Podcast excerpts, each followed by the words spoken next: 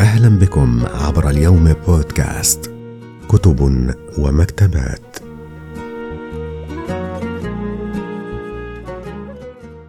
كتاب عشت خادمة. صدرت مؤخرا رواية عشت خادمة.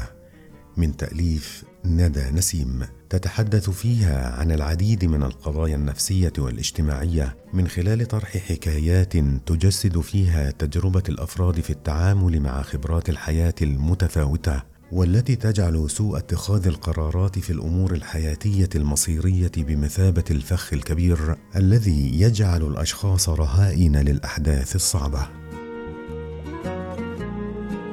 تؤكد الرواية أن قضايا المجتمع تتشابه في مضمونها لكن الاختلاف يكمن في طريقة الطرح التي تعتمد على رؤية الكاتب وطريقة توظيفه للقلم في بناء السرد كما أن المسؤولية الأدبية تتضاعف عندما يصب العمل الروائي ليعكس الرواية الواقعية. التي يهيمن عليها الاتجاه النفسي والاجتماعي.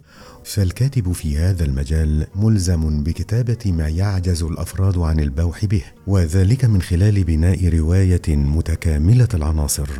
تتضمن الشخصيات والحبكة وعناصر الزمان والمكان. وكانت الكاتبة ندى نسيم قد أصدرت رواية بديع المحيا عام 2018 وهي باحثة في المجال النفسي والأسري ولديها خبرة في مجال الإرشاد والاستشارات النفسية والتعامل مع قضايا المجتمع.